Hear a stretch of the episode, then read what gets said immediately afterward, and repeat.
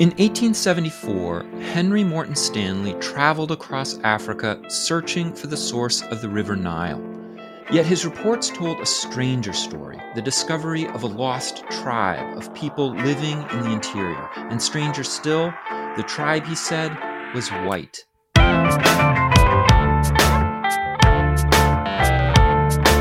It's time to eat the dogs. I'm Michael Robinson.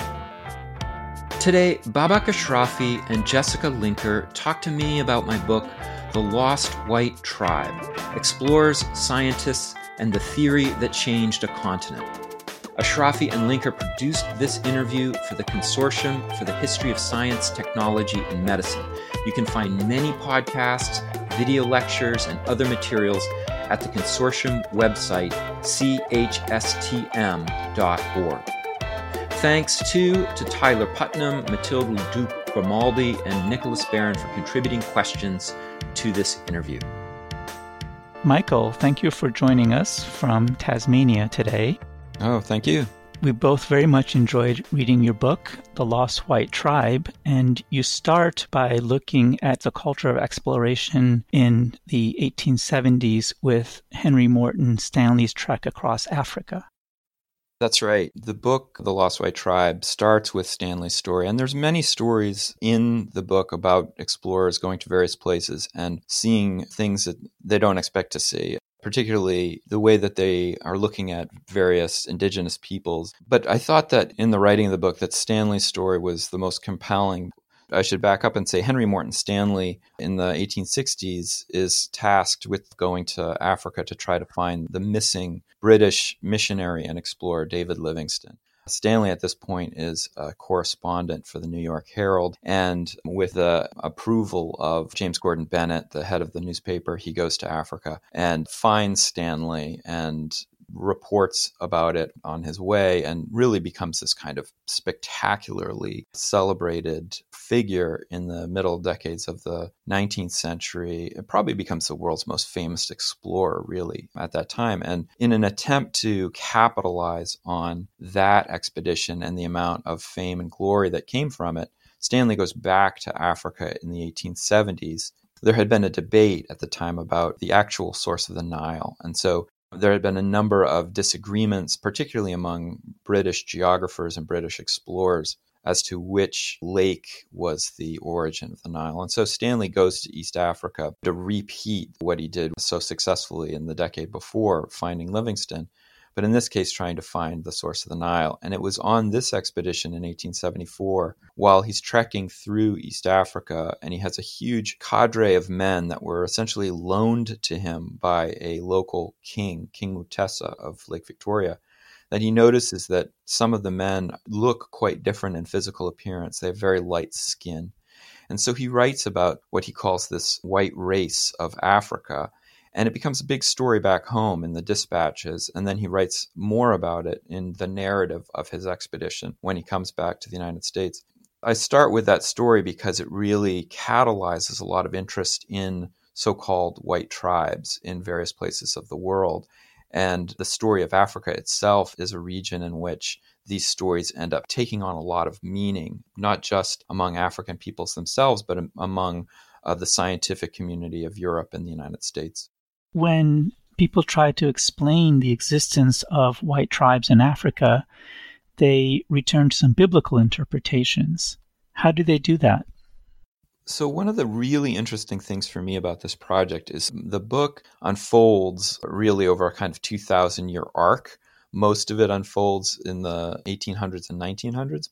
But there are really powerful links that go back to Judeo Christian history. And the easiest way to explain this is to say that really prior to the 1700s, or even really the 1800s, people were using biblical stories of migration to explain why people look the way they do. And in particular, in the Judeo Christian and Muslim contexts, in the Middle Ages and even during the Renaissance, people would look to the story of Genesis, but not the story of Adam and Eve, which was essentially the original populating of the earth.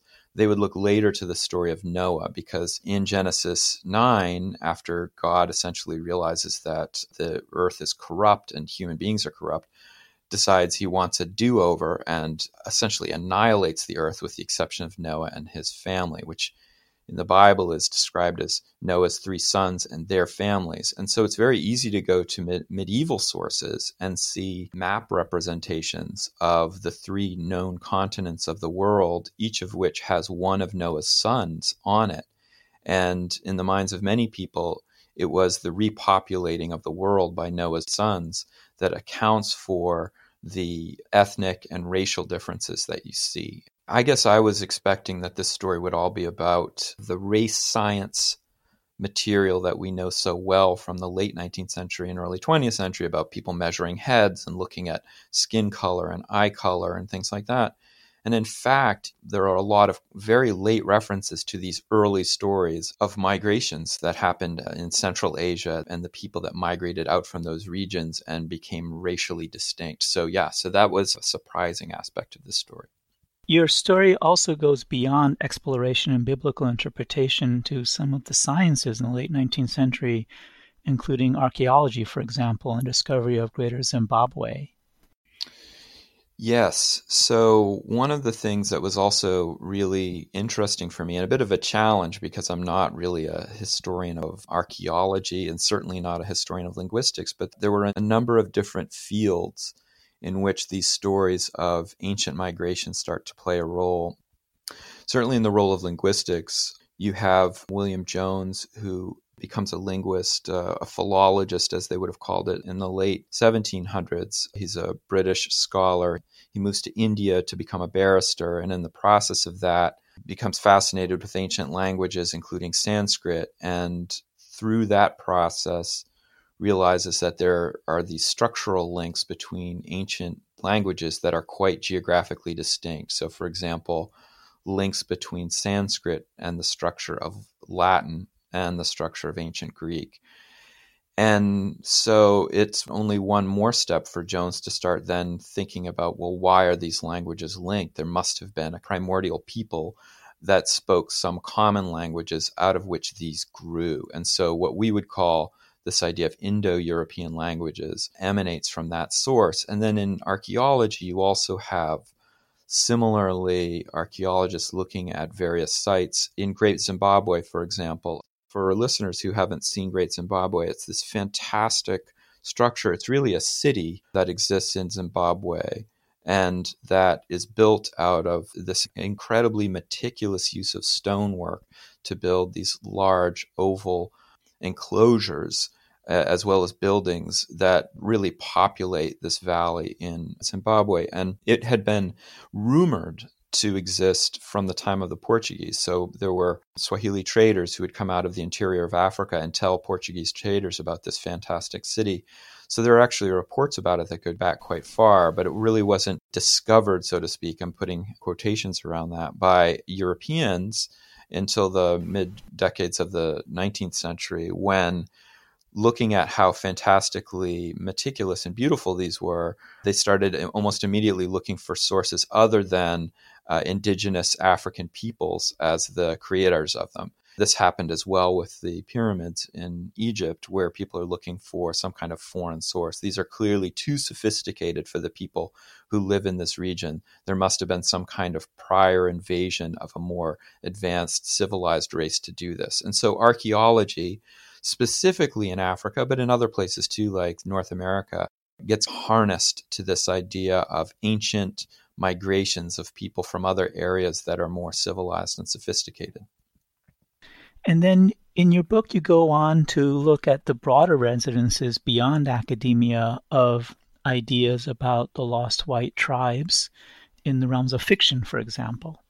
So, yeah, in the late 1800s, Stanley is coming back and reporting about, let's say, a lost race in the interior of Africa. And there are other reports from other areas of the world. For example, the people who go to Japan, particularly missionaries, talk about the complexion of the Ainu people on the North Island of Hokkaido and how they look Caucasian. And there are a number of reports like this from different regions of the world. And so adventure writers start to write about this people who are writing what today we might call young adult fiction or juvenile fiction or something we might call science fiction or speculative fiction, they were calling scientific romances. But this genre of literature really starts to catch fire in the late 19th century with the publication of books like Treasure Island and and Hyde and probably the most famous book of this genre was King Solomon's Mines, written by H. Rider Haggard. Haggard had spent some time on the British colony in uh, South Africa in the Transvaal and had heard some of these stories and used them as an inspiration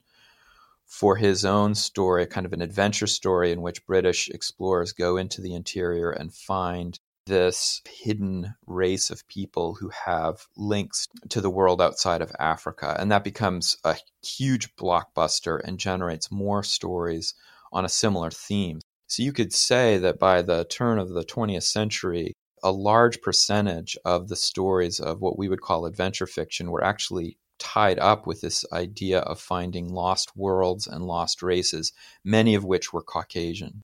Are there more contemporary resonances of the ideas of white invasion or interpretations of racial or ethnic hierarchies in Africa, for example?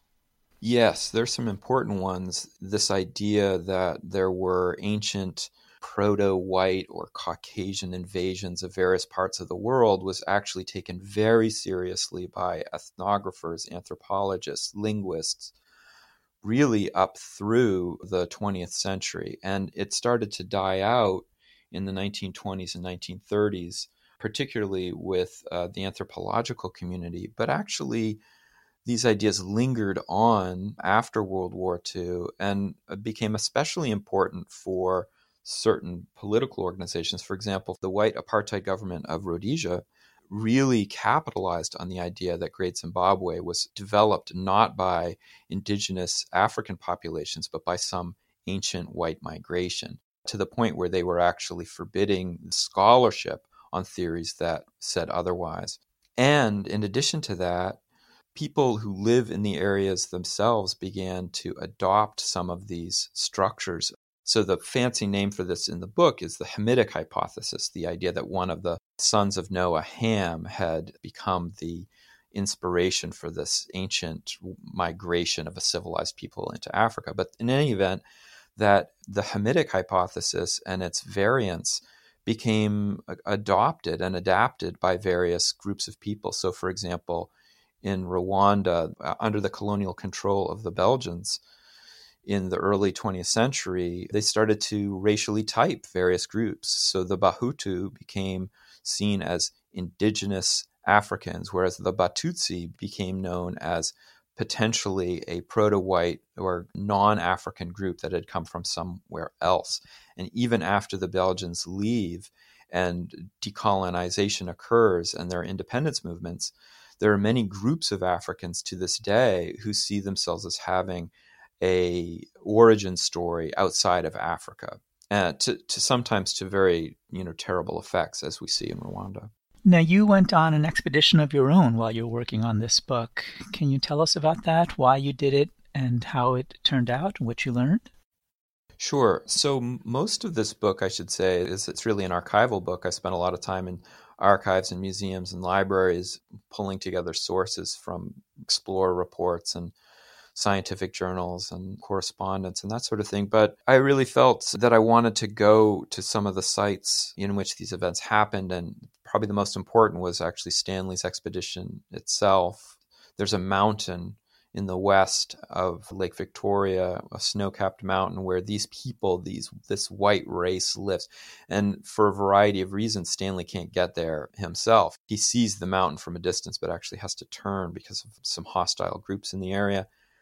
And so I wanted to go to see what it was like. I also wanted to do some archival research in Kampala as well and talk to some scholars there who study these ideas of ethnic invasions from an African perspective. So I went with that motive as well, but I really did want to see the place. And I ended up hiking up Mount Stanley with a guide, a Ugandan guide, and a porter in early uh, 2013. It, it was a long hike. It's a 17,000 foot mountain. It's actually the highest. It's now today called Mount Stanley. It's on the border of Congo and Uganda. And it's a, six day climb, and you really are starting on the equator and moving up through various ecological zones to the summit. And at the summit, there's actually a glacier. It's one of the last remaining glaciers in Africa. So it's a very intense change. It's extremely remote. And I'm in pretty good shape, but I'm certainly not a, a technical or a high mountain climber. So it was quite a, an emotional experience for me. And of course, it wasn't that I was expecting to find anything up there, but uh, I think I wanted to feel a little bit of what the isolation was like for Stanley and also to talk to local peoples about their experience of the mountain and their awareness of this history as well. But I think what I found on the mountain was not what I was expecting. I think it was so remote that I felt keenly my isolation from the rest of the world. My children were young. I have three children. My children were young at that point, and they had a variety of events going on, and I was I was just so aware of these moments that I was out in the wilderness, completely cut off. That there were these things about their lives that I was missing. And after I summited, which is a very difficult summit, I experienced some altitude sickness, and I couldn't really eat for the last two or three days of the hike. It was very exhausting in terms of lack of oxygen, that sort of thing. On actually the the return from the summit that night, I ended up having a kidney stone attack at 14,000 feet. And I knew what it was because I'd had one before. It was quite excruciating. And I really thought, you know, I don't, I don't know if I'm going to be able to get down off this mountain. So I, I went up to the tent uh, of my guide, William Kavuna, and I said, I, I don't know how I'm going to get down. I think I'm having a kidney stone attack and I'm in a lot of pain. And he had a satellite radio he called down to the base, which was like six days away. And they said, well, we could send people up for him, but it's it's going to be another week, you know. So your best chance, if possible, is to get yourself down off the mountain on your own legs if you can. And that's basically what I had to do is find a way to to get down the mountain. I think the reason why it was important for the writing of this book is because it made me realize in that time of what intense vulnerability I was feeling I'd only been hiking for a week and I knew that I wasn't going to die on that mountain. I was in pain, but I wasn't going to die. And I thought Stanley was traversing Africa. He had none of these guarantees. He was in the field for three years.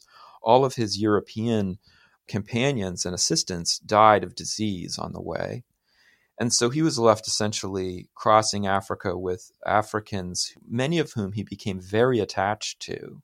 Stanley's an extremely controversial figure, and he was extremely brutal and barbaric in his treatment of some African groups.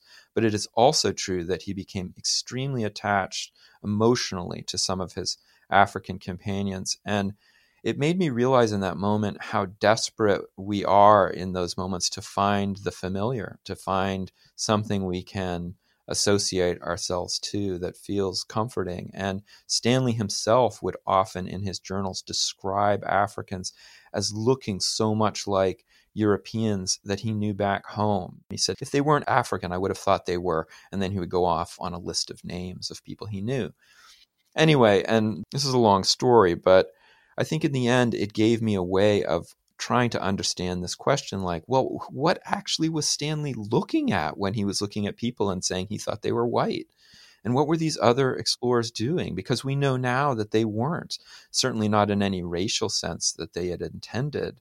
So if they weren't actually white in that sense, then who were they and why were they seeing it that way? And so, in my own speculative way, that experience gave me a kind of provisional answer to that question. We sent your book to some other readers from different kinds of backgrounds and perspectives who have recorded some questions for you. Yeah, let me just cue up the first question for you. Greetings from Belgium. This is Mathilde Leduc Grimaldi, your friendly archivist and specialist of Henry Morton Stanley. My first question for you, Michael, would be this one. What specificities do the Stanley Archive, a set of private, non-official, non-institutional paper, bring to your topic compared to other non-published material from, say, ethnographical or anthropological societies in the US or Europe? And this is her follow-up question. Next question for Michael. If you had had more time, which other archives, especially from African archival centers like in Zanzibar or Oman maybe, would have offered a focus on the Swahili side of the question at play in your book. I think I'll try to answer that second question first and then go back to the other one. So, the Swahili side of the story is really important because, as much as the story of the Lost White Tribe really tells the story of an interaction between European and North American intellectual communities and their encounter with and experiences with Africans and Africans' interpretations of their own origin stories as well, and how these two sets of ideas kind of mingle together. It is also true that another major group, which is Swahili traders from the east coast of Africa, many of whom were involved in the slave trade in the 1800s, played a really important role both in transmitting ideas and receiving ideas from the African interior. A lot of these are difficult to get to because they were not transcribed in the same way. So it's hard to get a lot of these archival sources. And so, what became important for my story, what I could actually get my hands on, was a lot of the Muslim commentaries, early Muslim commentaries about the stories of Genesis, which talk about the migrations of the people around the world and tries to offer explanations for why people look so ethnographically different from one another. And so it was really these medieval sources that I was looking at more than 19th century sources.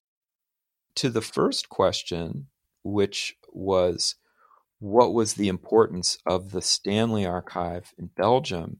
and why was it important in a way that let's say just reading stanley's published works was and i would say you know the stanley archive is an amazing place insofar as it has all of stanley's field notebooks it has his personal journals it also has drafts of his articles and his books and for me that was very important because his story of this so-called white race that existed in Africa, it evolves over time. And so by re- being able to read the drafts of his journal articles, his correspondence, his book drafts, you really get the sense that he's editing this story as it goes forward and editing it in interesting ways. He actually talks very explicitly about finding a white race in one book and then it's all scratched out and he leaves it out of a final draft.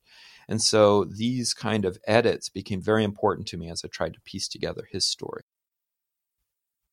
So our second question comes from Tyler Putman. Hi, Michael. This is Tyler Putman. I'm the gallery education manager at the Museum of the American Revolution in Philadelphia. I wondered if in your research you encountered the story of the Norwegian adventurer Tor Heyerdahl and his voyage aboard the recreated Pacific raft that he called Kon-Tiki in 1947. When I read Heyerdahl's book years ago, I found the parts of it that dealt with indigenous Pacific cultures in particular to be rather troubling. And thanks to your book, I was able to see the history behind Heyerdahl's belief that advanced races migrated long distances to establish superior civilizations. Am I correct in connecting Heyerdahl's ideas on the subject with those of the people you trace in the Lost White Tribe? uh, to Tyler's question, absolutely, the story of Tor Heyerdahl and Kon-Tiki are connected to the story that's told in Lost White Tribe. In fact, what Heyerdahl is interested in proving, or at least making a case of plausibility for, is a kind of variant of the Hamitic hypothesis. And so let me explain it uh, just a little bit, which is that after you have this, this group of archaeologists and linguists who are suggesting that there's a cradle of the human species in Asia, and that from this kind of origin point in Central Asia, that waves of ancient white civilized people migrated outward from that point. You have theories such as the Aryan invasion of India and the population of Europe by so called Aryan peoples. And a variant of that is, of course, the invasion of Africa by a group of Hamitic people, a kind of proto white people. But that theory ends up extending in the late 19th century by some theorists to include areas of the Pacific. So when people are looking, for example, at the Polynesian people of the Central Pacific, they begin seeing this as part of the advanced stages of this invasion of civilized peoples, right? Proto white civilized peoples that would then explain why they're such amazing navigators. And what Heyerdahl was doing was, in a way, a variant of this because he had read in some Peruvian writings from the Andes stories of a light skinned emperor and this kind of highly advanced, powerful Incan king from an ancient period of time. And that one of the things that Kon-Tiki was trying to prove was that perhaps this ancient South American indigenous group of white people or white light skinned people had colonized the Pacific from the other direction, that they had sailed west into the Pacific, and that that explains why we see various Polynesian peoples that are connected not to the east, but are connected to the west. I think Tyler is right to see both the links to my story and also some of the racist underpinnings of it. Yeah. And our third question comes from Nicholas Barron. I also have a question about the history of the Hamitic hypothesis beyond Africa. Importantly, you note that Africa is not the only place in the 19th century where the origins of the indigenous or colonized people were under scrutiny. And here I'm thinking of Thomas Jefferson and other founding figures in the United States who became transfixed by the origins of living Native Americans and their connection to the ancient societies that built, say, the burial mounds in Virginia. Do you see evidence of lost white tribe type theories gaining ground in other parts of the world under imperial, colonial, or maybe settler colonial rule during this same period? Yes. In fact, one of the difficult decisions I had to make in writing The Lost White Tribe is how to cull all of the stories of so called discoveries of white peoples in areas where you wouldn't expect them cull that to a manageable group to provide a story arc because there's so many of them. And so many of them take place within a relatively narrow range of time from about the mid 1800s through the first three decades of the 20th century. And just to give some examples there's the so-called discovery of blonde eskimos by Vilhjalmur Stefansson an anthropologist in 1912 in the Arctic archipelago above Canada. And there's the so called discovery of white Indians in Panama by another explorer in the 1920s, Richard Marsh. There's also books written about the Aryan Maori of New Zealand. One of the theories that came into kind of popularity was this idea that the Maori people were Aryan in background.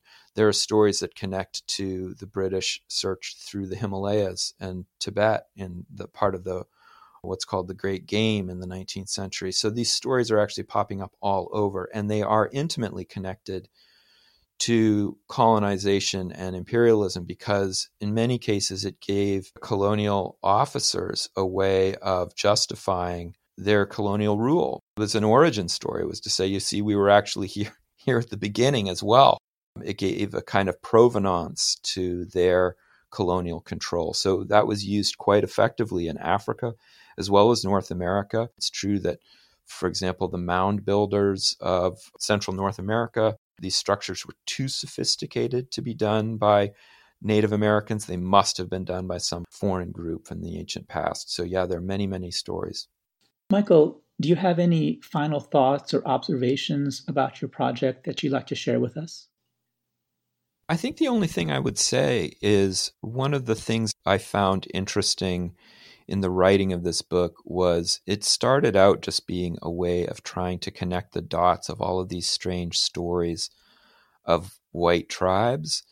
And in the end, what it made me realize is that there are links to the stories that we tell in the history of science as a field, which are connected very much with, let's say, racial science in the late 19th century, the measurement of skulls and the profile of noses and and the way that these are, let's say, used to categorize and classify people. I think one of the things I found in the writing of this book was how much that story is a global story. It plays out on a global stage, it is happening all over the world.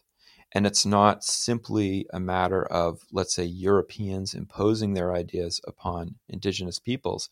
It's Europeans using their ideas of race science and these ideas commingling with many ideas that are uh, origin stories that are powerful in the places that they're exploring and interacting with local peoples. And out of it comes these strange hybrid ideas of origin. It's certainly one in which the power dynamics are asymmetric. Certainly, Europeans and colonial powers have a lot more political power in most of these stories. But it is a story that involves other people, even as in the West, we kind of laugh at these things now. There are many parts of the world in which the resonance of these stories still continue. And so I think it is important when we talk about race science as something that's imposed perhaps on other peoples to realize that there's a much bigger story there and a much more complicated story of how these ideas mingle together with those from other parts of the world. Thank you, Michael. It's a it's a fascinating book and a very readable book, and thank you for taking the time to chat with us about it. Oh, very much my pleasure. Thank you for thank you for interviewing me. That's it for today. The music was composed by Zabrat. Make sure you check out the Time to Eat the Dog's website for podcast links and other exploration related stuff. And if you get the chance, please take a minute to rate and review the show wherever you get your podcasts. It really helps make the show visible to new listeners. And if you want to recommend a guest or make a comment, feel free to contact me at time to eat the dogs, that's one word, lowercase, at gmail.com. See you next week.